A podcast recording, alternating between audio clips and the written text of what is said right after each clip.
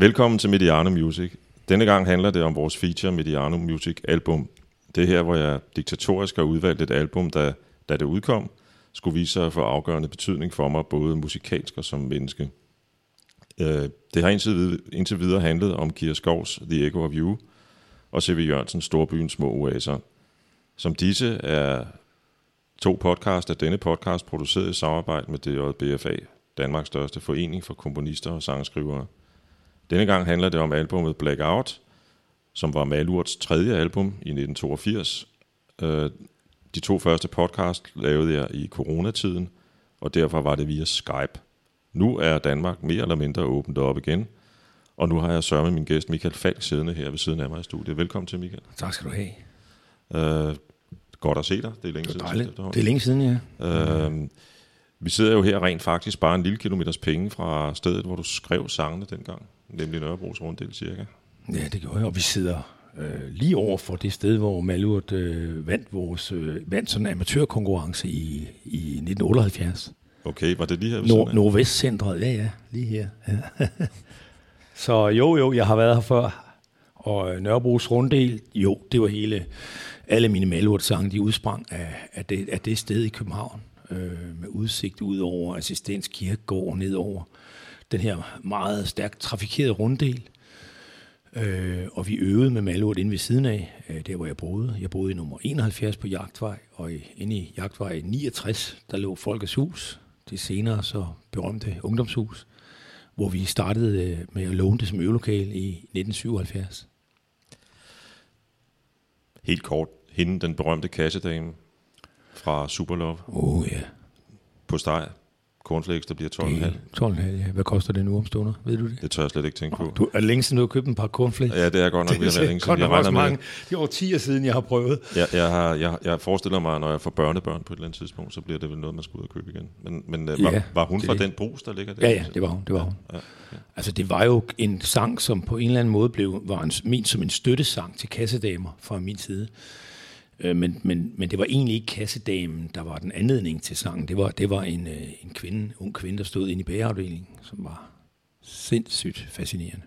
Og hende kunne man så bage på i en sang. Wow, det var smuk, den der. Mange vil undre sig over, at øh, tror jeg, at jeg ikke har valgt øh, albumet Vindueskikker, men jeg kommer tilbage til, når vi kommer lidt længere ind i podcasten, hvorfor det er Blackout, der kommer til at betyde noget for mig. Dejligt. Øh, og jeg synes, vi skal begynde med at høre en af sangene fra Blackout. Øh, en sang, som jeg vil påstå står som en form for overskrift for Malurt på det tidspunkt, nemlig Lev Stærkt.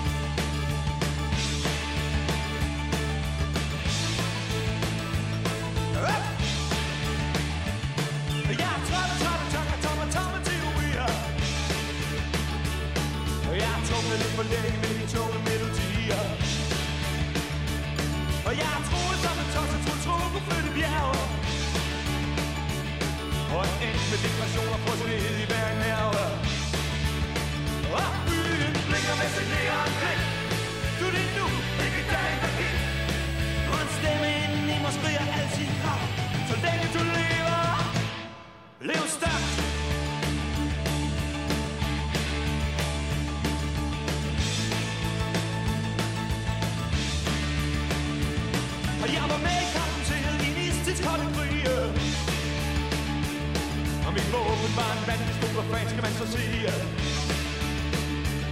Og jeg har tænkt tiden af, til at fortælle noget så nøje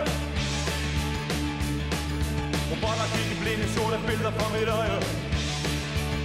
Og men byen ligger med sin neonblind Du er det nu, ikke dagen der gik Og en stemme inden i mig skriger Så længe du lever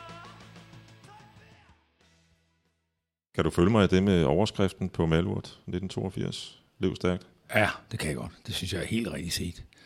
Og man mærker også viben i det her nummer, synes jeg. Man mærker det der hektiske puls og, øh, og, og, og oppumpet og på en eller anden, det der sådan punket udtryk, men i en eller anden klassisk rock sammenhæng alligevel. Jeg, lige pludselig nu sad jeg, synes jeg kunne høre noget gasolin i det her også.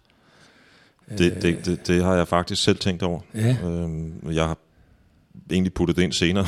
Lad os nu Nå, endelig ja, tage os ja, fat i det ja, nu, ikke? ja, jo, jo. Øh, Du kan ikke vide, hvordan jeg sidder og, og planlægger, hvordan Nej, vi skal snakke. Øhm, fordi på det tidspunkt talte man meget, når man snakker om Alurt, om, om, om en vis kunstner fra New Jersey. Øhm, Hvad var det nu, han hed? ja, det kan være, at unge Peter deroppe Han er helt glemt det, er han ikke? Øh, og, og, og, og omvendt havde I den der inspiration, som også er meget tydelig på, på de to første album, så især Kold Krig, synes jeg, fra The Clash og den engelske mm. nyrock-scene på det tidspunkt. Men, men altså, jeg, når jeg hører det her i dag, så tænker jeg også gasolin. Altså, Ja, en, simpelthen. En, en, en, en, en, at det bunder i, hvad kan man sige, der, noget, der allerede er en dansk rock-tradition, så kort den end har været på det tidspunkt. Ja, det er sådan, sådan hørte jeg det også nu. Virkelig, ja. Øhm, Man kan også høre, at i forhold til de to første plader, så er det som om, vi er lidt sådan, man kan godt mærke, at der er mange hundrede koncerter bag os nu på det her tidspunkt. Altså vi, vi spiller lidt mere sikkert, vi ligger lidt mere tight og sådan nogle ting. Stadigvæk kan jeg høre, at øh, det er sådan nogle ting, man som sanger bider meget mærke i. Hvor, hvordan ligger man i forhold til beatet? For der kører jo altid et beat, så siger man 1, 2, 3, 4, 1, 2. Og hvordan lægger man så sin vokal oven på det beat? Og der ligger jeg jo her, altså sindssygt langt fremme. Altså jeg, ligger, jeg vil tro nu, i forhold til den øh, version, vi spiller med, spillede med Malurt her i 2020, og forhåbentlig skal spille i 2021 igen. Altså der tror jeg, at hvis man sidder med en computer og ser min vokal, så kan man se, at jeg ligger altså, langt længere tilbage på beatet nu, end jeg gjorde dengang. hvorfor, altså- hvorfor egentlig? Ja, det er, det er selvfølgelig noget, jeg har øvet mig på i mange, mange år. Fordi det er lidt af en kunst at komme tilbage på beatet for nogle mennesker. Især mennesker, der er så energisk øh, betonet, som, som jeg ligesom er det blod, jeg er født med. Mm. Øh, men det giver selvfølgelig i tidlig malvertid den der hyperenergi, ikke? Ja, nemlig lige Fordi præcis. det, det hele bliver så hektisk og speedet, altså, som jo også har en eller anden øh, virkning. Men, men øh, jeg, det er bare som om, det er lettere at lave lyd på nu, når, når, når vi ligger sådan lige lidt mere præcis på beatet. Um, en af grundene til netop, at, at, at, som du også er inde på, at, at, jeg også kom til at tænke på det her album øh, tidligere i år, det var, at, at I jo lige har været på turné, eller I, I var der op til corona, og skulle egentlig have været det igen her i efteråret. Men, men nu har I så måttet udskyde den til, til næste år. Ja. Øh, Øv, øv. Ja, ærgerligt. Pisse ærgerligt. Jeg havde indtryk af, at det gik ret godt på den. Det gik simpelthen så godt. Vi kom så rigtig godt i gang. Vi spillede sådan øh, fire under radaren prøvekoncerter. Sådan he- helt hemmeligt. Altså ingen havde hørt om. Jeg ved ikke, hvordan der kunne være folk i de sale. Men det lykkedes, og, og vi debuterede så i Vega med to koncerter der.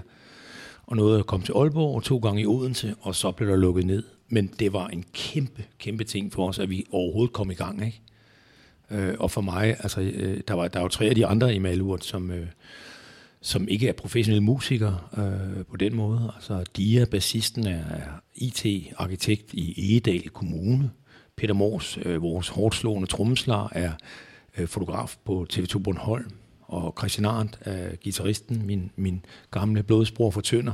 Han, øh, han lever ganske vist et, et liv øh, med musik som musiklærer og optræder også indimellem, men ikke sådan i, i større sammenhæng. Så, så der stod de i Vega, altså i noget af en ilddåb, ikke? Med, med, med et publikum, der havde købt billetter over et år før, øh, og havde ventet på det der øjeblik i, i, i mange år.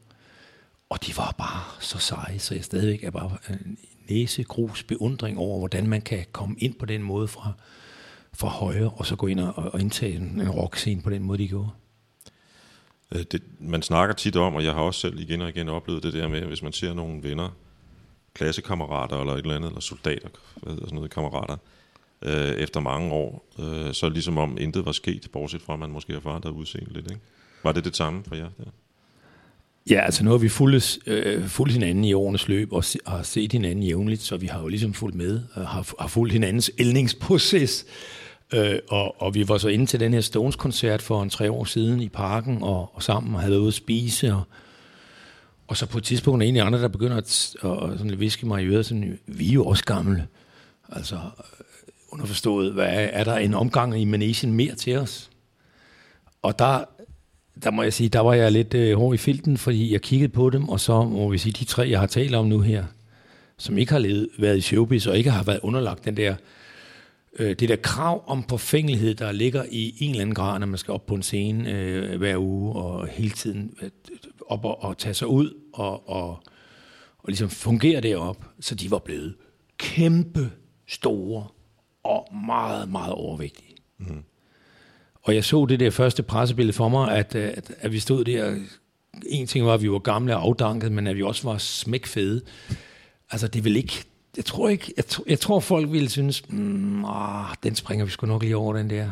Fordi det bliver så let patetisk, når gamle bands bliver gendannet. Øh, så jeg sagde, jamen altså, helt cool, hvis vi skal gøre det. Ja, du skal tabe 20 kilo, du skal tabe 25, det skal du også. Øh, vil I gøre det? Yes, det gør vi. Og det gjorde de så. Og det gjorde de sgu. Og de, de gjorde det sgu, som Dirk Passer siger. Ja. De gjorde det sgu. Ja. De tabte 80 kilo til sammen, ikke, de tre mand. Imponerende. Ja. Og, og de var med på den fra begyndelsen. Altså, der, Simpelthen. der kan også ligge noget forfængelighed i at få at vide, at du er for tyk. Og, Ja, nej, men det var, det var ligesom om, hvis vi, altså, vi, de kan ikke holde, vi skal spille to, to og en halv time øh, hæftig, øh, energisk rockmusik, så kan du ikke, du kan ikke gøre det i den tilstand, de var i. Så det var et must, hvis vi skulle holde til det alle sammen. Ikke? Øhm, og det gjorde de, og det har, det har altså også været sindssygt imponerende at følge det der. Mm, de tog det, øh, alle tre tog det som sådan en, øh, et, en kærkom lejlighed til en livsstilsændring også, ikke? Plus den her øh, forlængede spilletid med Malwood, vi kunne få. Så meget desto ekstra ærgerligt, at, at turnéen så måtte afbrydes, men det måtte den jo. Det kan man Der var ikke rigtig noget at gøre ved det, øh, men, men altså, vi er bare så enormt lykkelige over, at vi kom i gang. Du fortalte, du fortalte, inden vi begyndte, at, at de skulle have spillet 31 kons- hvad hedder det, festivaljob til her i sommer. Ikke? Ja, jo. Det gør lidt ondt her torsdag, fredag, lørdag, den her sommer. Men altså, nu har vi slugt den, øh, og nu har vi øh, ligesom vedtaget, og, og vi er også nødt til at udsætte øh, vores efterårstur her i 20. Fordi der er ikke rigtig lige nu, er der ikke nogen, lige meget hvem vi taler med, er der ingen, der tror på, at vi får lov at få 4.500 mennesker ind i KB handel i oktober. Altså, og alle de andre koncerter er, er ikke så store, men, men alligevel altså langt over det, man kan forvente, der bliver åbnet for. Og så noget med øh, altså sædepladser øh, og, og kun besat på hver anden sæde og sådan noget, det, det, det vil altså bare slet ikke være malurt. Det vil være en helt kikset oplevelse. Men det har været et stort apparat at rykke rundt på det her. Det er jo en plan D, vi er ude i nu. Mm. Øh, og det har været et kæmpe apparat, fordi vi en ting er, at vi er 15 mand i, i, i projektet, ikke involveret. Øh, men der er også alt det her med, med, med, med det ikke er almindelige musikere, vel? så der har været alt muligt med overlov, der skulle søges og forlænges, og det, det er det andet i forsøg på at få nye modeller stillet op. Men nu, nu er det på plads. Altså nu, øh, nu tager vi den op igen i april øh, 2020, og spiller af vores indendørskoncerter i april-maj, og så ryger vi ud så i, i festivalerne. Altså, det er fantastisk, om ikke andet, at det jo så er lykkedes. Altså, Ja, det, det er det nemlig, fordi der har været så meget logistik i det her, plus vi er jo ikke ligefrem øh, ene på, på markedet, vel? Altså, der er jo hundreder af artister, der... Vi er jo i en eller anden slags øh, fordelingsnøgle omkring, vi, hvordan får vi nye datoer alle sammen. Nemlig. Uh. Hvis, hvis vi skruer tiden ig- tilbage til 82 cirka igen, Øhm, på det tidspunkt havde I haft øh, et hit med vindueskigger, og ja, vi berørte lige hurtigt Superlove for lidt siden. Øh, hvad, hvad gjorde den succes for jer, som, som, og hvilken betydning fik den for, for, for Blackout? Jeg kan huske øhm, det der meget specielle med, med vindueskigger, at vi, vi fik det hit. Og det, kunne, det oplevede jeg første gang, eller vi gjorde, i Forum i, i øh, København 1. maj 1981. Fordi da vi Jeg var der, skal jeg lige og du var det godt, ja, fedt, ja. dejligt. Øhm, altså, da vi nåede til Superlove, der pludselig lød der bare Break My Heart ud fra publikum fra 7.000 mennesker, og vi havde aldrig hørt nogen synge med på et af vores numre før. Okay, det var simpelthen den Det var simpelthen, man kunne bare høre, at da fra pladen udkom, tror jeg i marts til 1. maj der, der var det nummer blevet så kendt, så at folk, altså de fleste i forum kendte det og sang med. Og det skete så ovenikøbet, men en, mens en vis øh, øh, kammerat fra New Jersey stod lige nede foran mig. Stadigvæk kan jeg ikke helt huske, hvad han hedder. Men, Jeg kan ikke huske, hvad han, er- han, er- han, var, han, han var lige ved at blive et, et verdensnavn der, kan jeg huske. Ja, det var lige, det var lige før, det lige begyndte før at han begyndte at, at, at, at bryde igennem. Og noget helt andet er, at jeg har faktisk derhjemme en, en bootleg optagelse af jeres... Øh, jeg kan ikke huske, om I kun nåede at spille øh, Everybody Everybody's Got a Hungry Jo, Heart. det var kun Hungry Heart, vi nåede der jo. Og det var det, det aftalte jeg med ham, inden om han ville. Ja. Fordi han var, han var, jeg havde mødt ham tidligere på dagen, hvor han var ude i Fælledparken og se og spille. Vi gav koncert derude om eftermiddagen, og der kom han og så os. Og så kom han, øh, han var blevet hugt. I hvert fald, havde han bare i den grad ikke noget at lave, men i hvert fald kom han ind i forum også. Ja, Så, det er øh, en ikonisk koncert. Den, Ja. der, og den har faktisk, hvad jeg ikke var klar over, skal jeg være ærlig og indrømme, den har også en, en, en ganske særlig betydning for, for dig og, og jer, fordi det var der, I første gang fornemmede succesen simpelthen. præcis, at vi var ligesom, vi havde fået et hit. Og, og den succes kom vel, øh, kom, den, den kom vel også til at inspirere dig som sangskriver? Også, Ja, det gjorde den, fordi det var ligesom om, altså det var jo, når man er ung sangskriver, så, så, så har, har det, for jeg siger mand, fordi jeg tror, jeg kan godt tillade mig at tale sådan kollektivt om det her, for jeg tror, man som ung menneske har en vision om, hvad det er, man gerne vil. Man, man har sine inspirationskilder, og for mig var det, som du har nævnt, The Clash, Neil Young og Bruce. Åh, oh, Bruce hed han. Det var det, jeg for fanden, ja, der. Altså, det var jo ligesom øh, plus gasolin og Knacks og så videre, de der, Sebastian, de danske øh, inspirationskilder. Øh, men, men man har jo sådan en vision om, om sin helt egen øh, øh, øh, øh, sound, øh, bygget på de der inspirationskilder. Og der var det som om, de der oplevelser i 81 efter vindueskigger, det gjorde bare, at jeg, jeg fik en eller anden selvtillid omkring, okay, der er et eller andet her, der åbenbart holder, altså som jeg kan tillade mig at tro på. Fordi det kan man jo ikke vide som debutant og sådan noget, men, men det er jo, man tænker, "Nå, det er måske 14 dage, jeg får i den her manege, ikke? Øh, jeg havde taget overlov fra universitetet, og jeg læste dansk, øh, for at tænke, okay, nu prøver jeg, men først med kold krig, prøver jeg at, at, at leve min rockdrøm ud et halvt år. Øh, Og det halve år var jo altså endnu. Øh, så, så det blev en lang overlov, jeg fik, men det kunne man jo ikke vide som, som, som ung menneske der. Så det, jeg tror, det gav mig en eller anden, øh, det, det, det, det tog noget, en basal usikkerhed fra mig, som var rigtig god for mig. Jeg tog tro på, så kom, sang, så kom Mød mig i mørket ud af det jo for eksempel. ja den, den kommer til sidst. Ja, okay, godt. Øh, fordi det er jo en helt speciel sang i din, altså for, Ja, for dig og Det er det, det er det. Øh, jeg synes egentlig, vi skal lytte til Blackout et øjeblik, og så vender vi tilbage.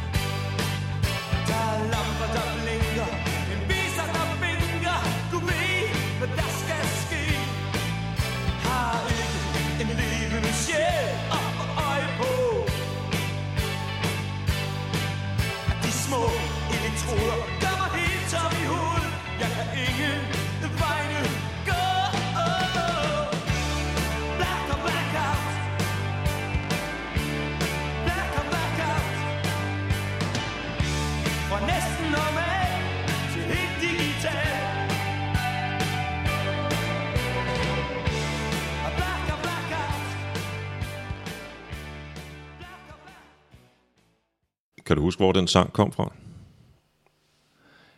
Den kom fra et øh, ønske om at lave noget lille smule mere computerized. Altså føre sådan noget teknologi ind i, i vores øh, sådan klassiske øh, rock. Altså, og det kom egentlig ud fra øh, sådan en, en øh, filosofi, jeg gik og tumlede med i de år, med det her med en paranoia omkring, hvor menneskeheden var på vej hen. Altså, der var alle de her på, på, vindu, på, på, på, sorry, vindueskigger, havde der været det her nummer CPR, CPR, for eksempel, ja. ja, som havde det der med, som handlede meget om det her overvågningssamfund og robotgørelsen af det moderne menneske. Som i de år der begyndte sådan at, at tegne sig i en fjern horisont. Øh, og det var sådan nogle sange, jeg ville ind og skrive, og det skulle jo også lydmæssigt ligesom øh, skinne igennem. Ikke? Det, og det er der Pete Repeats øh, moderne, på det tidspunkt sindssygt moderne keyboard sound kom, kom os til gode. Ja, Fordi, fordi det, jeg skulle lige til at sige det, det kan man, men man kan jo høre, at den vision, øh, hvad kan man, hvad kan man sige, virkelig gjort i hans keyboardspil på det her Lige, lige nuagtigt, ja. Altså, der, der, han var en gave for Malur der, fordi han... Altså, vi, havde- vi havde det der med, at vi var så meget et klassisk rockband, men vi ville jo sindssygt gerne være noget andet også. Altså, noget, der talte direkte ind i en samtid, hvor ikke bare var sådan øh, retro, old school rock. Og der kom han fra Repeat, og tidligere Repeat Repeat hed hans band dengang, øh, hvor jeg havde tjekket ham, øh, i, øh, vidste godt, at han fandtes og alt det der, men han var jo ligesom det der spændende nye keyboardnavn i københavnsk musik. Ja, det er klart, at, at, at, at Repeat Repeat var, var et, et, et, et elektronisk band. Eller Ja, det var det, det var det nemlig. Det havde noget af det der elektronika i sig. Der var, der var noget Depeche Mode og alt muligt. Sådan noget, ja. Kraftværk. Checking out the meat. Uh, uh. Ja, nemlig, ja. Det er Ja. ja. rigtigt, ja. Øh, lidt i familie med SV80, for nu at snakke Ja, præcis, ja, præcis. Øhm, Ret spændende også. Søren ja, Wolf, spændende ja. figur også. Ærgerligt, at man ikke rigtig hører mere til ham egentlig. Men, Præcis, jeg har lige, jeg har lige siddet og snakket med nogen om det forleden dag, fordi han var, for det første så øh, var han jo øh, chef i SV80, som var det her New Wave band, samtidig med, med Malurt der. Og så la- producerede han jo midt om natten, ikke? Kim Larsens plade. Det gør han, og det er en sådan lidt ufortalt Det historie. er det, det er det sådan egentlig. Lidt, lidt Og, synd, s- ikke? og så for mit vedkommende, så kom han med på min første soloplade, var guitarist på den, og var med mig på turné. Men efter den tur har jeg nærmest ikke hørt om ham. Jeg, og jeg spørger øh, folk, der har kendt ham, ved du, hvor Søren Wolf er? Så hvis nogen derude ved, hvor den her Søren Wolf, han nu er, send lige en hilsen fra mig, please. Også herfra undertegnet det album, han nåede at lave med SV80, er skide godt. Fremragende. Øhm, nu vi snakker om, om komponister øhm, for The Record, så er det jo sådan, at øh, jeg synes, man skylder at sige, at Peter Wieskinte er medkomponist på 6-7 numre, tror jeg, på Blackout. Er det ikke sådan? Nej, altså det, det var sådan i Malurt, og det har det været alle årene, at øh, jeg delte øh, hvad hedder sådan noget, de kunstneriske okay. rettigheder mellem, lige lidt mellem os og på musikken. Men altså, det er mig, der har skrevet sangene, men vi har været fælles om at arrangere det.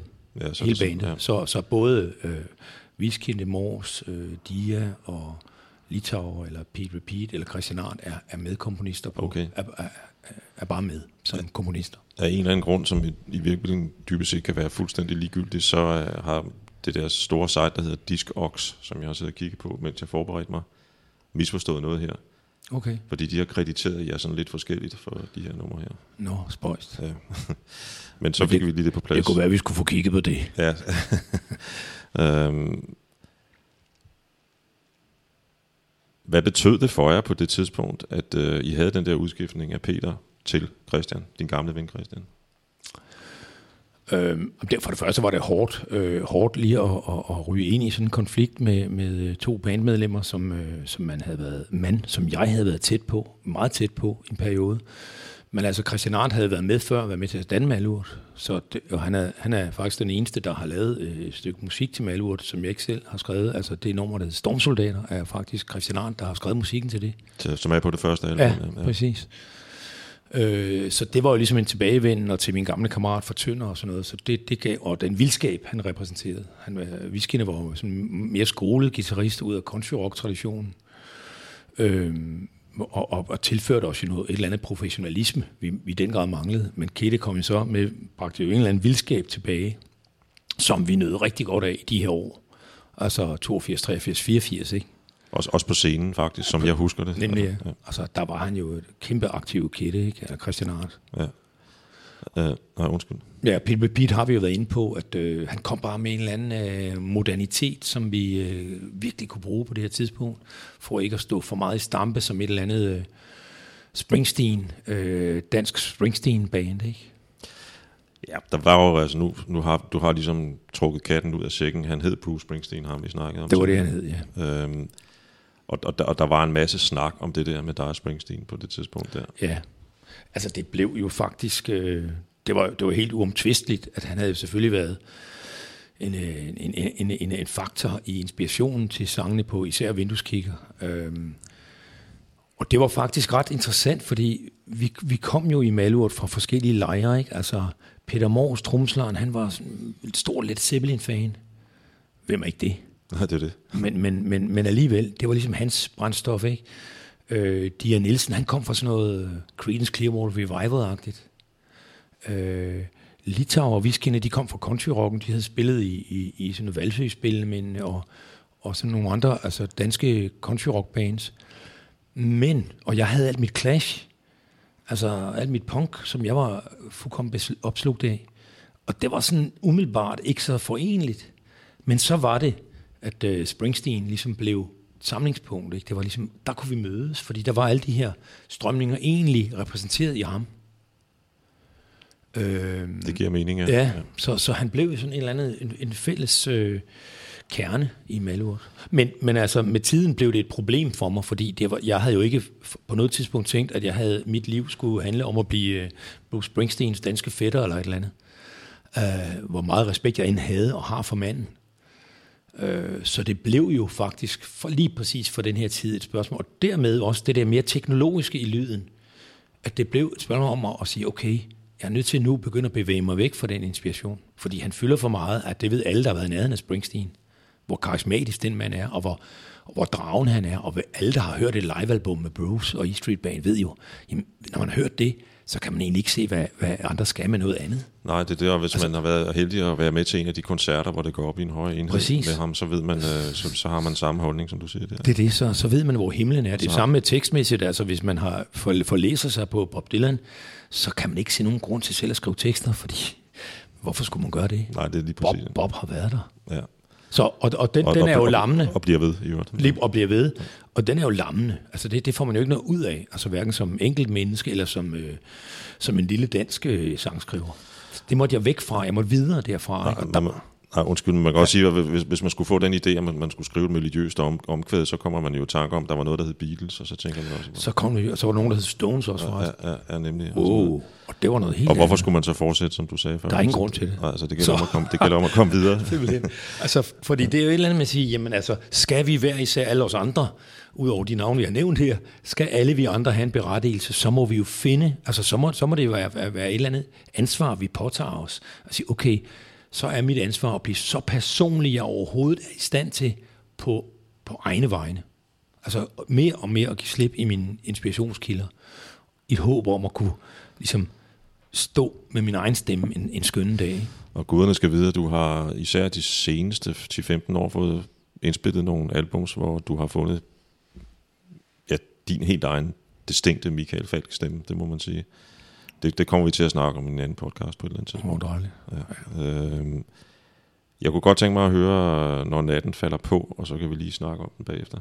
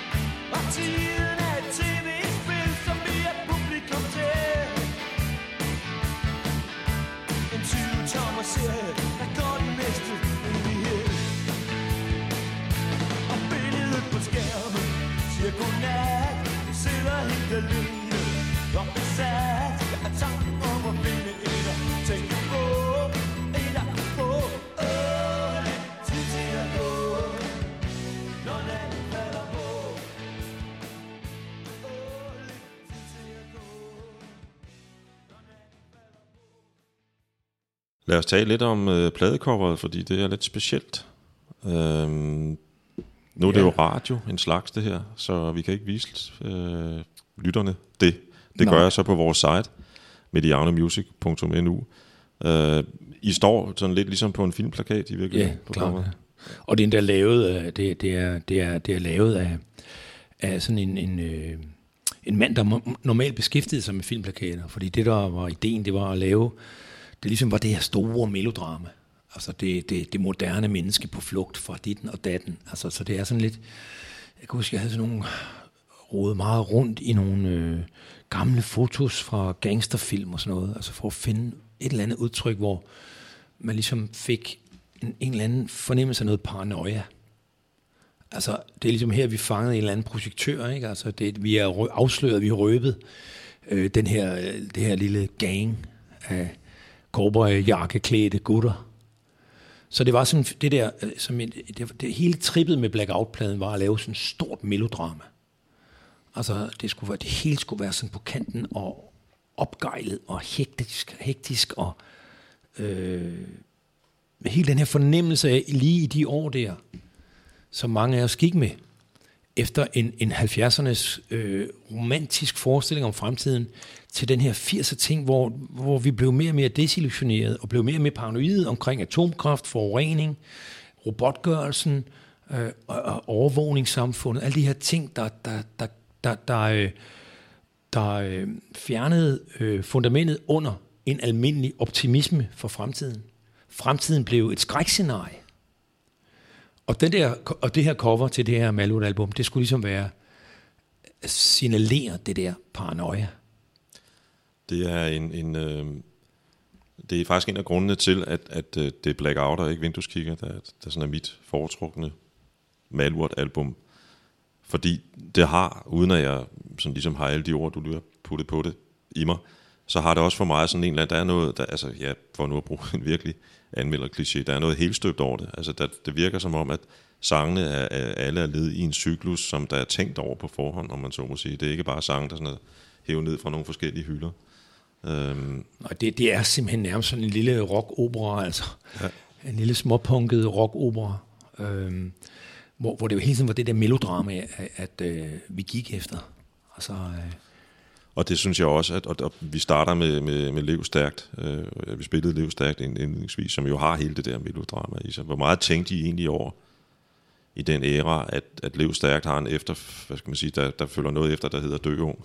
Jamen, det tænker jeg meget over, men jeg synger det jo lige præcis ikke. Nej. Altså, men, men vi levede, altså det, må, det må, kan vi jo så godt sige nu, når vi kigger tilbage. Altså det var jo, ikke mindst for Christian Arndt, Kette og mig, vi var jo i overhældingsbanen i den grad de år der. Altså vi, øh, vi sparede ikke på noget, og vi skulle have følge alle øh, indskydelser til dørs, og øh, vi levede meget hårdt øh, og meget intenst, altså fordi de gode aftener på scenen, og dem var der mange af i år. Jeg kan ikke huske nogen dårlige, sådan, hvor vi sådan, øh, ikke var i stand til at give ordentlige koncerter og sådan noget. Det, det var ligesom fede oplevelser, alle koncerterne for os, øh, og, og forhåbentlig også for publikum. Men altså, vi var fandme vilde. Øh, og altså, det er helt sikkert, på det tidspunkt var der en eller anden indstilling, i hvert fald i Kette og mig, som handlede om, jamen, koster det os livet det her på en eller anden måde? Altså, så, så glad det gør det. Altså, det var lige før vi ønskede lidt indimellem, at det måtte ske. Altså, der var sådan en eller anden romantik omkring det der med at ofre sig for rockmusikken, ikke koste hvad det koste ville. Kette, han, han har stadigvæk øh, synsproblemer, fordi han på øh, sådan noget og flimmer og sådan noget, fordi han kiggede, han, der var sådan, vi havde på et tidspunkt sådan nogle bomber, der sprang på scenen, hvor han, hvor han ligesom, som lignede sådan en paddehattesky, hvor, hvor, øh, hvor han hver eneste aften legede med lorten for at komme så tæt på den der eksplosion som overhovedet muligt. Og en aften, der kom han altså lige tæt nok på, ikke? Det, det er en meget god metafor for Lev Stærkt Dø Ung, kan man Ja, sige. altså så, men jeg synger ikke dø ung, fordi ja. det var ikke det, jeg ville. Lev stærkt betød for mig på det tidspunkt, lev engageret. Mm. Lad være at blive vindueskigger. Lad være med at blive bare en sådan tilskuer til livet. Kom ind og bland, fordi vi, var, vi havde mistet 70'ernes den der, det der store sociale engagement. Altså, og nu stod vi så i, i, en, i en tids, i en epoke, hvor, hvor fremtiden øh, øh, tegnede sig sådan, som jeg har prøvet at, at, at beskrive før. Øh, og det, den største fare for mennesket var, at vi blev passive. Ikke? Altså, at vi, vi blev de der øh, mennesker, der var med Marcuse, den øh, filo- filosofen øh, Herbert Marcuses ord, blev det her blev udsat for repressiv tolerance, at vi blev bare, vi blev bare sådan nogle lammede forbrugsdyr. Mm. Så, øh, men der var en andet hale, krølle på halen omkring det her med lev stærkt, og det var, at der var en anmelder på den her i, i 82. Vi skulle spille i Herninghallerne, og øh, den aften havde, havde den, øh, den, den, den rockanmelderen så byttet plads med, med den klassiske anmelder. Så, så den klassiske anmelder var blevet sendt til Malurt-koncert. og det var sgu noget af en prøvelse for ham, kunne man godt mærke. Ja. Og overskriften blev, lev stærkt, ja, og dø døv. så det var faktisk en helt fantastisk anmeldelse. Han måtte slå nogle kameler, den gode mand der. Ja, men øh, ja, ja, altså reelt ri- erhvervsrisiko er det jo også at blive døv på et eller andet tidspunkt. Det er det jo. Altså, der må jeg så bare være heldig at sige, at jeg har været så snyde heldig. Altså. Ja, der, det der skete her var, at Michael lige bankede under bordet. Ja. Så, ja. Ikke fordi jeg er overtroisk, vel? Nej, nej, nej, nej. Slet ikke. Øhm, der er jo øh, over det her cover, billedet, om, og et eller andet sted også øh, i dine tekster, nogle af teksterne på albummet, sådan noget, en meget filmisk måde at gå til det på, synes jeg. Øhm, var jeg bare en, en spaghetti-helt, tror du synger på et tidspunkt. Ikke? Ja, det er rigtigt. Og i, i den, vi kommer til at høre om lidt, nemlig uh, stand-in. Altså hele begrebet stand-in er jo et filmbegreb. Ja. Var du, var du meget inspireret af... Og meget af Scorsese Ja, okay. var fuldkommen besat af. Det, det, De det, Niro. Det der, wow. det, og det kan jeg godt forstå, fordi hvem, hvem var ikke og er ikke det, ja, ja. og deres øh, arv. Simpelthen. Altså de der, jeg tror, de der Scorseses øh, øh, regnvåde gader med neonspejlinger i New York, det var simpelthen bare så hård dope, altså. Ja, øh, du synger også om neon både på vindueskikker og her på Ja, ja. Blackout. Det, det er meget... Men det, det, det, jeg, det, jeg hører i den, og det er også en af grundene til, at det af- et, et, blev et, et, et af mine øh, yndlingsalbum lige på det tidspunkt, var, at jeg, jeg hører i den både en fascination af amerikaner, som man siger i dag. Øh, det kunne være Scorseses film, for eksempel. Det kunne være ja, Bruce og hele den der traditionelle rock-tradition. Der er nogle hilsner i jeres musik til øh, hans opdatering af rock-traditionen på The River, synes mm. jeg for eksempel. Ikke? Mm. Øh, der er både den der fascination, men så også samtidig giver du også udtryk for en kritik også samtidig. Ikke? Altså, Jo, jo. Der, der er jo sådan en kulturkritik i det her, som, som går på det her med, hvad er, det, hvad er det, vi gør ved mennesket nu? Hvad er det for et menneske, vi vil have? Altså det der med, når jeg taler om robotgørelse, altså så er det jo et eller andet med, det, det er faktisk blevet et tema på den her Malurt Reunion Tour, og det er faktisk det her, det handler om på en måde, at måske er vi blevet de mennesker nu, jeg sang om dengang, som i en eller anden, i, i en paranoid fremtidsvision, men måske er vi blevet dem, men vi, vi er bare ikke helt selv klar over det. Vi tror stadigvæk, vi er frie individer. Men, men på scenen med det nye, eller hvad kan man sige, det gendannede Malur, der stiller du spørgsmålet, om vi, vi, blev de der, Ja, ja. de der digitale, altså hvad, hvad Ja. du synger øh, normalt, fra, fra, fra næsten normalt til helt digitalt? Ja, altså s- vi kan jo se, hvad vi har i hånden her, eller Ja, ja, inden for rækkevidde begge to, ikke? der ligger vores små ja. personlige computer, ikke? Ja, jo, nemlig. Altså, og øh, nu har jeg haft min i lommen i 20 minutter måske, ikke? og det, jeg, jeg kan mærke abstinenserne allerede. Ja, okay. Så skal vi lave lidt mere kaffe, eller hvad det til? Dulme. øhm, stand in, lad os lige lytte til den.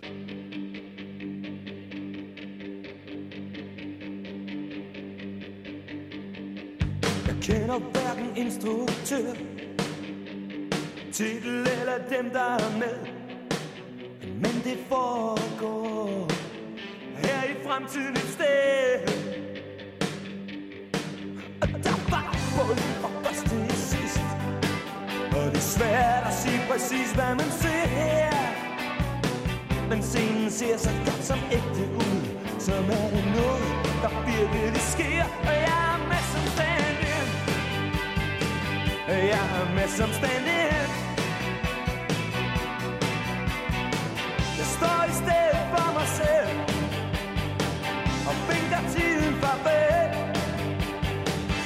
en film, der er lige så rundt som mig selv.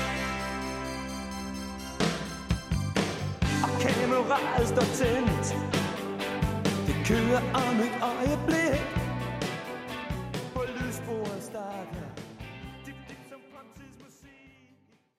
Som du synger i første linje her, øh, jeg kender hverken instruktør, titel eller dem, der er med. Øh, det kan man jo sige, det er et meget godt billede på det, det vi lige har siddet og snakket om med fremmedgørelse, og er vi på vej ind i en digital tidsalder, som kommer til at betyde, at vi mister vores øh, du ved, integritet og så videre som mennesker og sådan noget.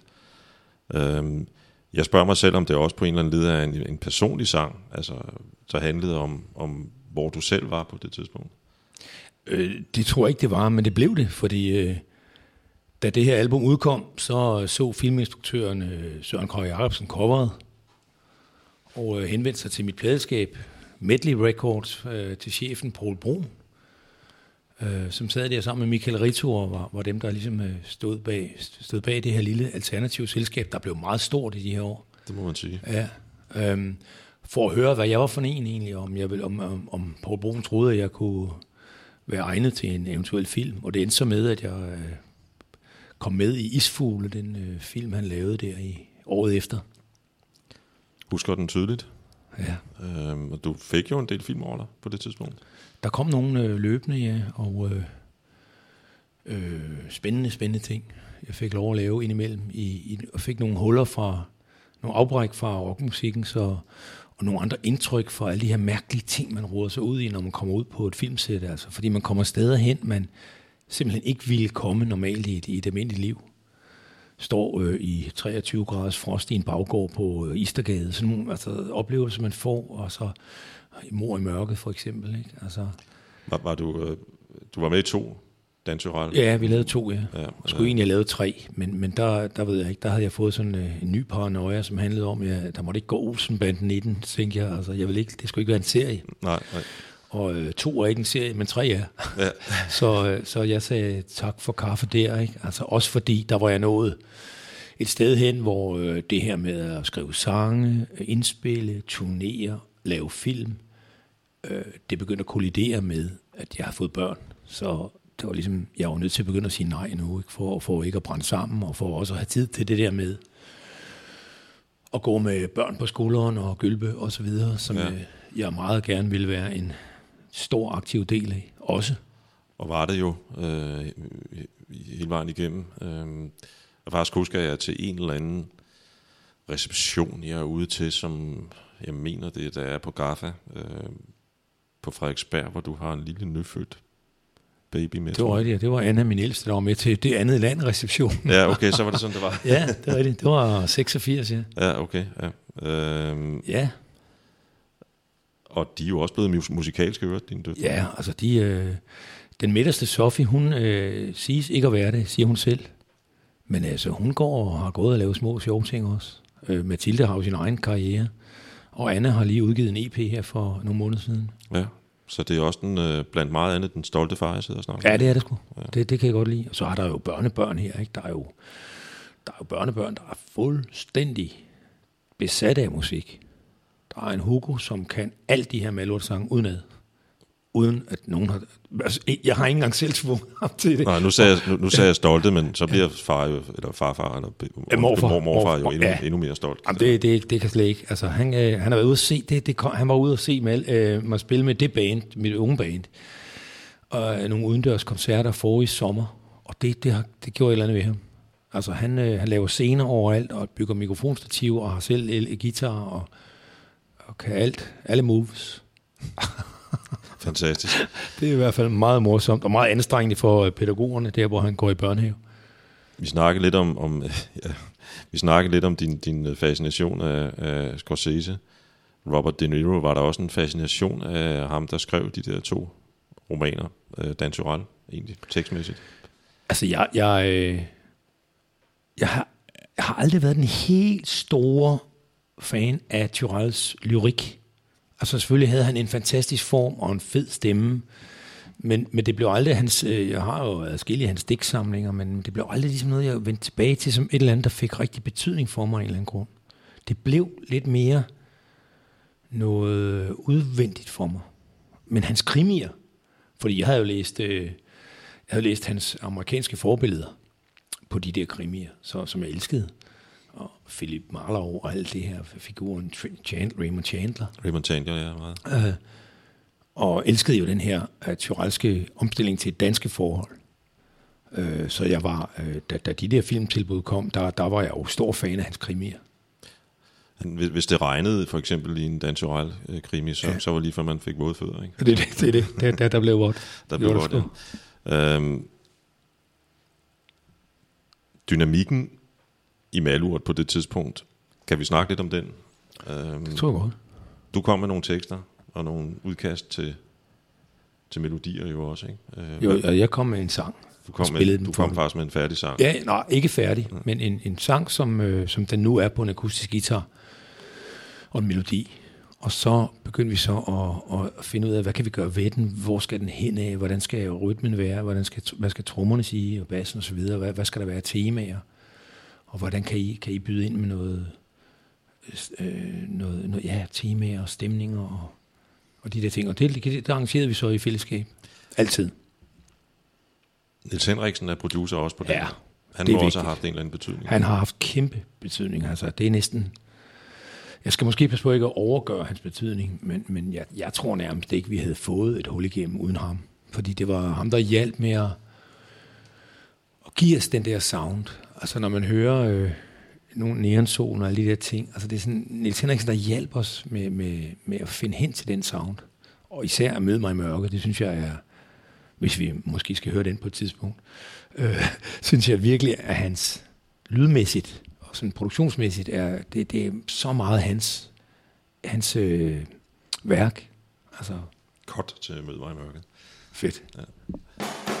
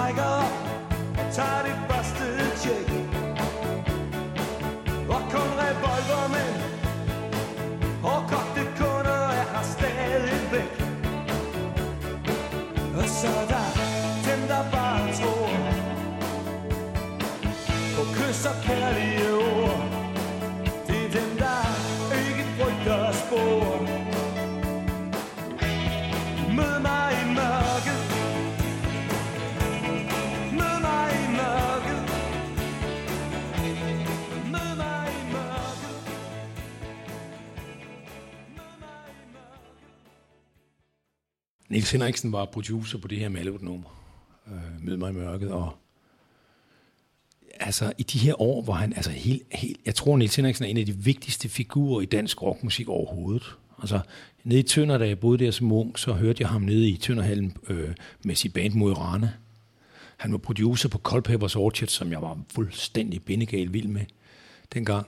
Han producerede, det var ham, der lavede sounden til Steve Jørgensen med Storbyens Små Oaser. Det er Nils Henriksens værk, den sound på mange, mange måder. Sammen med Stig Kreuzfeldt, men det er rigtigt nok, ja, ja det er jo Niels det er Niels' der er vision, producer. det er det. Ja. Og det er Niels, der står for hele den der, hele den der øhm, garage-rock-agtige sound, der, der, der er på det album. Altså så han ligesom, så, altså det her med, hvad er det, hvad gør en producer? En god producer, han er i stand til på et givet tidspunkt i en artists karriere, at, at, at skabe den sound, der, kom, der bliver definerende for vedkommende. Så det blev for CV på det album der, som jo stadigvæk er det bedste CV, har lavet efter min mening. Det samme, ja. Okay, ja. Altså, og, og Nils lavede Sebastian store, Sebastian, han lavede Kim Larsens øh, CPR-nummerplade.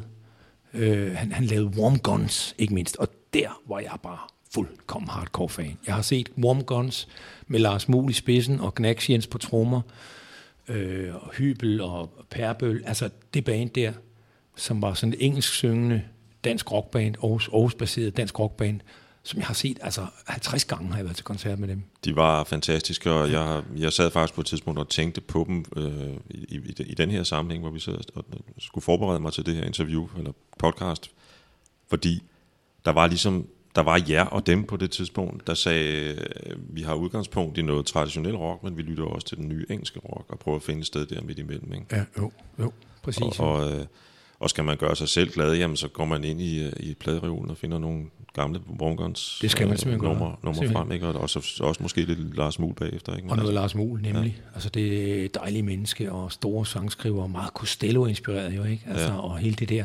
Men den sound, uh, The Young Go First, hed en af deres uh, singler. Og dengang var der jo, som man ved, ikke noget, der hed Spotify. Uh, det var sådan noget, vi frygtede dengang. Uh, uh, men, og jeg, man kunne ikke bare købe øh, det, man ville have anywhere. Men jeg vidste et sted på Nørrebrogade, der var der en jukebox i sådan et, det hed en café, hed det vel ikke. Det var nærmest sådan et værtshus, hvor det havde en jukebox stående, hvor The Young Go First var i. Så hver gang jeg cyklede af Nørrebrogade, så skulle jeg lige ind og proppe en mønt i og høre den der. Ikke mindst på grund af sounden. Og den sound på det, det nummer har haft stor betydning for, for at møde mig i mørkelyden. Samtidig med, at jeg havde sådan noget The Jam, som jeg også var stor fan af. Et nummer, der hed Down in the Tube Station at Midnight, som, som inspirationskilde til det her nummer. Mm. Jeg havde noget Heroes, Bowie, jeg havde noget uh, Here Comes the Sun, George Harrison, Beatles. Uh, sådan nogle ting, der, der ligesom spillede med ind i, i inspirationen på det her. Og, så, og noget Bruce har der sikkert også været.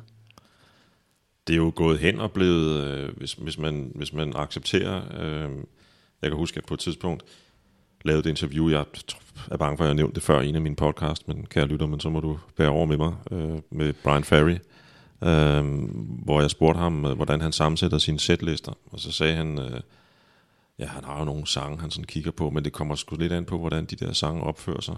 Øh, det er lidt ligesom med børn, sagde han. øh, altså, man må sige, at Mød mig i mørket har opført sig rigtig godt for dig øh, gennem årene.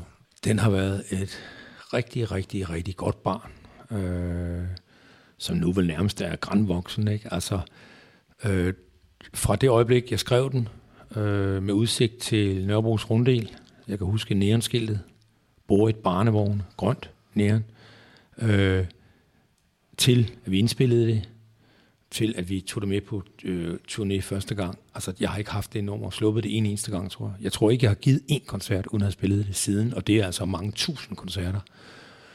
Og der er det fuldstændig velsignet ved det nummer, at øh, jeg, jeg, bliver aldrig, jeg kan ikke blive træt af det nummer. Der er andre numre, der sådan, nogle gange må have en pause og sige nu, uh, selv Superlove har jo fået nogle pauser indimellem. I et land uden høje bjerge senere har fået pauser. Øh, den eneste i verden har fået pause. Den her har aldrig fået en pause. Øh, og det er også fordi, den, den er på en eller anden mærkelig måde, er den så klassisk i sin øh, struktur at den, øh, og i sin lyrik, at den, øh, den bliver ikke gammeldags. Den, altså, den, den, den kan hele tiden, med det band har vi selvfølgelig lavet sådan lidt variationer i sounden og sådan noget, men, men basalt set er det den her, vi spiller, den version. Den gamle Malort version. Og øh, et eller andet sted er den sang, eller den tekst jo også, øh, den ligger jo i forlængelse, og det er også det igen med, med at betragte albummet her som sådan en helhed, hvor de enkelte sange er, er kapitler i, i en, en samlet fortælling. Igen runder vi også her den der skismade spørgsmålet, det der med, med kys og kærlige ord på den ene side, det, men, men, men kan man holde fast i det? Øh, i forhold til det der med digitalisering og så videre, tænker jeg, eller hvordan? Ja, altså nu, nu er det nok en af de sange, hvor jeg, hvor jeg er rigtig varsom med at gå ind og tolke med selv, fordi det er sådan mere et digt, end så mange andre sange er. Altså det er, det er ligesom en, det er jo bare et flow. Øh, det, den, jeg har skrevet den på 20 minutter. Okay. Det er bare et flow, der, der, der kom ud den aften. Og jeg husker aften fuldstændig tydeligt. Øhm, så, så, og det, det er gaven nogle gange, der kommer, når man er sangskriver, at der er noget, der bare flyder ud i hånden på en øh, hvor jeg senere hen kunne opleve lange faser med skriveblokering og sådan noget. Ikke? Altså, nu, nu er jeg så kommet et andet sted hen, hvor jeg kan skrive hvor som helst, når som helst. Altså, der er ligesom... Øh, Fantastisk. Jeg har fået fjernet nogle filtre, som, øh, som, som hæmmede mig før, hvor jeg troede, jeg, jeg, jeg ved ikke, hvad jeg har troet, men, men jeg, i hvert fald var der periode i 90'erne, kan jeg huske, hvor jeg, hvor jeg sådan havde sådan paranoia over det der hvide A4-papir, fordi det ligesom ikke, det blev ved med at være tomt blankt for mig, for jeg synes ikke, jeg havde ikke noget at skrive om. Jeg, altså, og de der, men sådan en sang som den her, den er bare løbet ud, og der får den, der, der er det egentlig ikke sådan en eller anden totalt straight dagsbevidsthed, jeg skriver med. Og jeg tror også her kan jeg sige mand, fordi det her det er noget, alle sangskrivere kender, tror jeg. At der nogle gange inspiration bare tager den for en. Så man nærmest bare er, selvom det lyder lidt hula hula man er nærmest bare et medie på en eller anden måde. Der er noget, der løber igennem en. Og de her linjer, Øh, jeg ved selvfølgelig godt, hvad det repræsenterer for mig selv i mit eget liv. Jeg ved godt, hvad det er med den jukebox et sted, og den der ensomme dame. Og, Som og nu på 45, eller hvad det nu bliver, 35 20 år, sidder der helt alene. Og ja, kommer simpelthen. Og det bliver hun garanteret ved med. Ja. Øh, og der er aldrig ændret et komma i den her tekst, fordi det er noget lyrisk stof, jeg henter op fra et, lige under min dagsbevidsthed. Altså det er tættere på nattedrømmen, tror jeg, end det er på min almindelige, øh, kedelige begrænsede dagsbevidsthed. Det, det, det er vældig øh, spændende at høre, faktisk, øh, fordi det nummer jo fylder så meget, øh, ikke bare i historien om Michael Falk og Malgård, men, men for eksempel også for mig, der jo har fulgt det lige siden. Ikke? Jo. Og for mig var det et nummer, og jeg husker det tydeligt, for jeg boede faktisk sammen med, med, med to fyre, som, som på det tidspunkt helt ned til korperjakken også var meget begejstret for, for Malurt. Sådan. Ja. øhm, Men de fik dog ikke at dig overtalt til at tage en korperjakke på? Øh, jeg, jeg, jeg fik en på et tidspunkt. Det var først, da, da der stod D&D bag på den. jeg fik faktisk en, hvor der stod... Øh, øh, det, var, det var en Springsteen faktisk. Okay, ja. Det var dengang, man fik en masse merchandise. Der blev delt ud der, tougher than the rest. Ja, det ja. var dengang, der var mange, mange millioner kroner i pladebranchen. I pladebranchen, lige præcis. det var faktisk tougher than the rest. Ja. Det var det garanteret, ja. Øhm, hvad hedder det? Men den sang stod for mig som det der med at holde fast i, øh, i det der med at tro på kys og kærlige ord, samtidig med, at, øh, at der også er andre ting, der lurer derude, altså ensomhedens følelsen, og, og du ved ligesom, altså du ved virkelig som helst øh, parforhold mellem to mennesker, der vil være udfordringer hele tiden og sådan noget, ikke?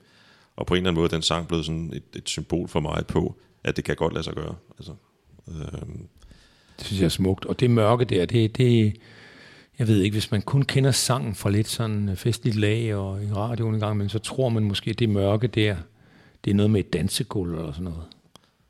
ja, for har, jeg mig, hørt, har jeg hørt. No. For mig var det jo nok øh, mere frygten for at øh, møde nogle mennesker i en helt anden form for mørke, tror jeg. Ja. Øh, Ja. hvor der er meget koldt. Øh, Nemlig, ja, og hvor, hvor der ikke er, hvor det måske ikke engang er mennesker. Men det mørke, for mig var det, repræsenteret det noget eksistentielt. Altså, det er, det er ikke et konkret mørke et, øh, i, en, i en romantisk setting, vil jeg bare sige. Nej, nej. Øh, det, er jo, det er jo det mørke, der, der, der måske kan være tilbage, hvis ikke man, er, hvis ikke man formår at øh, vil træffe de rigtige valg. For nu. Simpelthen, simpelthen. Så må det være. Ja. Nu må vi ikke sige mere. Nej. øhm, vi snakkede lidt om det der med 70'erne og, og optimistisk tro, øh, kontra hvordan du oplevede det i begyndelsen af 80'erne. Kold krig øh, er jo en, en, en øh, det vil jeg våge at kalde en politisk plade, øh, den første Ja. Malurt-plade. Ja. Øh, du har jo bevaret dit øh, sociale engagement, og jeg kunne egentlig godt tænke mig at runde øh, dit initiativ, De Vildeste Fugle, øh, som er støtter initiativer til fordel for børn af misbrugsramte familier. Hvad, hvad handler det om? Ja, det er sådan set en historie, der går tilbage til øh, en, en nat, hvor jeg vågnede og havde drømt, at Kim Larsen havde skrevet en sang til mig. Øh, en fuld færdig sang, jeg vågnede op med. Som, så, hvor jeg, hvor jeg jo tænkte selvfølgelig, at, at, at det var nok, øh, nok et bare en, jeg havde scoret fra ham. En, en af hans gamle sange, jeg havde glemt. Og jeg sendte den til ham, demoen, og, og han sagde, at det var sgu ikke hans, altså. Så pøj, pøj med den, Falken. øh, og så havde jeg hele tiden den fornemmelse af, at den sang måtte jeg bruge til et eller andet specielt. Og der øh, kom ideen så op til det her med de vildeste fugle, som er et socialt, som er, som er et socialt initiativ, der netop går ud og, og, og hjælper ikke bare børn og unge fra alkoholplagede familier, men også forældre med at komme i ordentlig behandling. Øh, så der blev den her sang brugt som sådan en signatursang, hvor en hel masse af mine øh, gode kolleger hjalp mig med at synge skal, den vi skal lige have titlen på sangen i øvrigt. Øh, den, der elsker livet, hedder Den, den, der- den sang. Ja.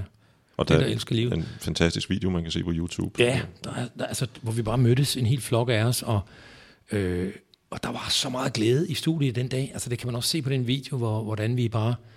Det der med, at vi alle sammen gerne vil have noget på et metaplan, altså noget, der er større end vores egen lille karriere og alt det her, vi kæmper for med vores egen ting. Og det var det, var det stærke for mig med at få sådan et projekt, som var, som var øh, velgørenhed, øh, og som øh, var ved siden af showbiz på en eller anden måde. Øh, og der har vi jo allerede nu, altså vi har samlet penge ind og fået kæmpe donationer rundt omkring, eller kæmpe og kæmpe, men pæne donationer. Vi er ikke støttet af det offentlige på nogen måde, det er kun private, der støtter det. Øh, og vi har hjulpet mange mennesker allerede videre, altså enten med pårørende, med eftervirkninger af at være i de der øh, typer øh, dysfunktionelle familier, øh, eller har hjulpet øh, folk i, med at betale noget af deres behandling i ordentlig behandling. Og det, det er, altså, Tillykke med det. Ja, tak. Og det helt, altså, det er kæmpe, det er blevet et helt familieforetagende. Min søster sidder som visitator i det, og øh, hun er misbrugsbehandler, hun er behandler. Øh, mit, øh, bare af mine døtre er med i bestyrelsen, og jæser, og sammen med andre, ikke? Øh, så så det, det er sådan en øh, rigtig fin ting, vi har øh, kørende hele tiden ved siden af. Man kan gå ind på øh, sitet devildestefugle.dk og læse mere om det. Og som sagt kan man, kan man se videoen, hvor, hvor, hvor du og alle de her andre sangere. Jeg kan lige komme i tanke om Lis Sørensen, Signe Svendsen, din datter Mathilde, øh, Johan Olsen, Alex Nyborg, Dorte Gerlach, Dorte Gerlach, Alex Nyborg. Chief One og så videre. Ja. Simpelthen. Ja. Øhm, vi skal til at runde lidt ned, Michael. Øh, det har ellers været enormt hyggeligt. Meget rart. Øh, det er ingen hemmelighed, at øh, du, det har vi lige rundet, har haft dine udfordringer hen ad vejen.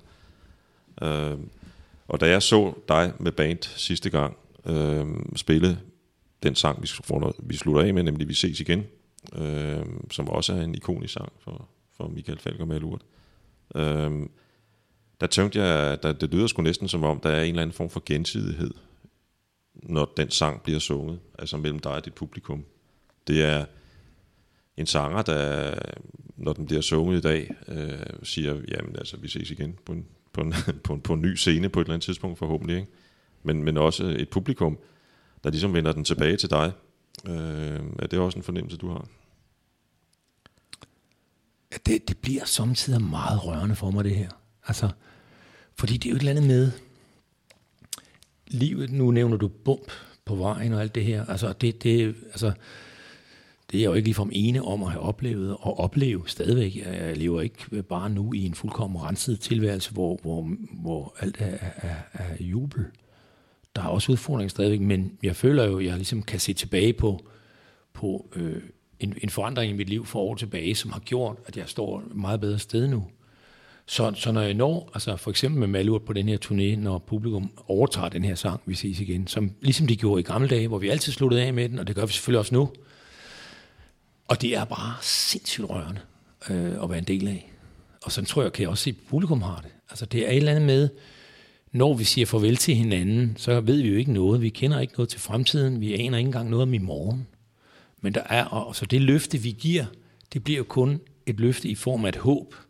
Jeg håber, vi ser hinanden igen. Vi ved ikke noget, men vi håber det, og det er ligesom en eller anden kraft, der får mennesket til at, at, at, at, at, at gå videre i det her liv.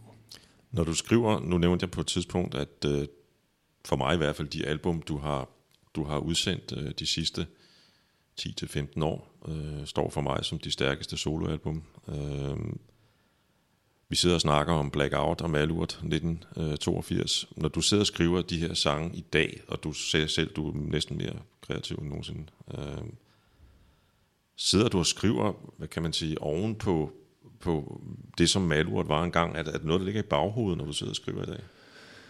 Jamen, jeg tror jo, som mennesker, så ligger al, hele vores fortid og alle vores oplevelser, og ikke, ikke mindst alle de følelser, vi har haft og blevet ramt af undervejs i vores liv, de ligger jo hele tiden latent lige i bag frontallapperne, eller hvor de befinder sig. De er, de er der, og i vores krop, altså vores krop husker alt det her. Så jeg tror, at vores fortid er hele tiden altså kronisk til stede i os. Levende, aktiv i alt, hvad vi gør og tænker og vælger. Øh, så selvfølgelig er Malurt en, en del af alt det, men, men jeg, jeg tror, at jeg har fundet, jeg har fundet en, øh, på magisk vis har jeg fundet en teknik, hvor jeg kan slå, slå min almindelige dagsbevidsthed fra og gå ind i en anden, et andet mindset, hvor jeg ligesom at dykker lidt, lidt ned i min underbevidsthed. Altså, jeg kan lave, jeg tror, det er meditationen gennem mange, mange år, der har hjulpet mig til at kunne lave sådan en, et, en, et, et, blive en dykker på en eller anden måde. Med at gå ned og være meget mere i min underbevidsthed, ind i mit almindelige øh, overjeg og, og med min almindelige bevidsthed. Og det, det gør bare, altså det, det, det jeg er jo glad for, at du øh, taler om min øh, seneste års øh, sangskrivning på den måde, fordi det, det, er jo, det, det kommer bare fra et andet sted nu, hvor jeg kun en gang imellem førhen kunne være heldig at nå ned, som for eksempel på, på Mød mig i mørket. Der kan jeg være nu hele tiden. Og det er altså en ret fantastisk oplevelse. Jeg synes, at vi på den nåde skal runde ned med og lytte til øh, Vi ses igen. Og jeg skal bare lige høre, øh, vi sidder og snakker om at skrive sange lige nu. Er der noget på vej? Altså album, singler, et eller andet EP? Ja, der er. Det kommer vi til at høre nærmere om, kan jeg fornemme. Det håber jeg meget, ja. Uh, tak for i dag, Michael. Tak, Jens. Og ved du hvad, jeg vil lige sige en ting. Hold da op, hvor har du en flot podcast, radio, stemme. Jeg, jeg vil rigtig gerne ned til der, hvor du befinder dig.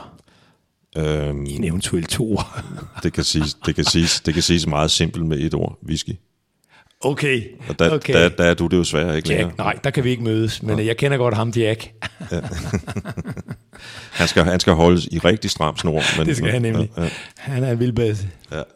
Prøv, prøv med det. Ja, tak skal du have, og lige måde. Og jeg skal jo lige huske at sige, at denne podcast bliver præsenteret i samarbejde med DJBFA, Danmarks største forening for komponister og sangskrivere.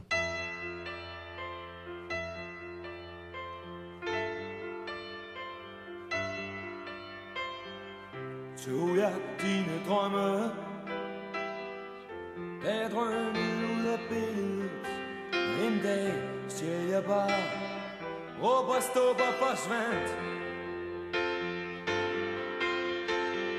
Sad du helt alene med et billede og med lyden af en lukket dør. Med et håb, der var forvandlet til en illusion.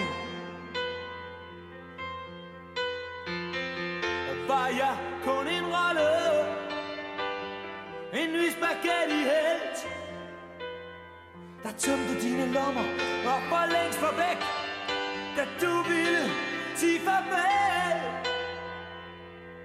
Vi ses igen.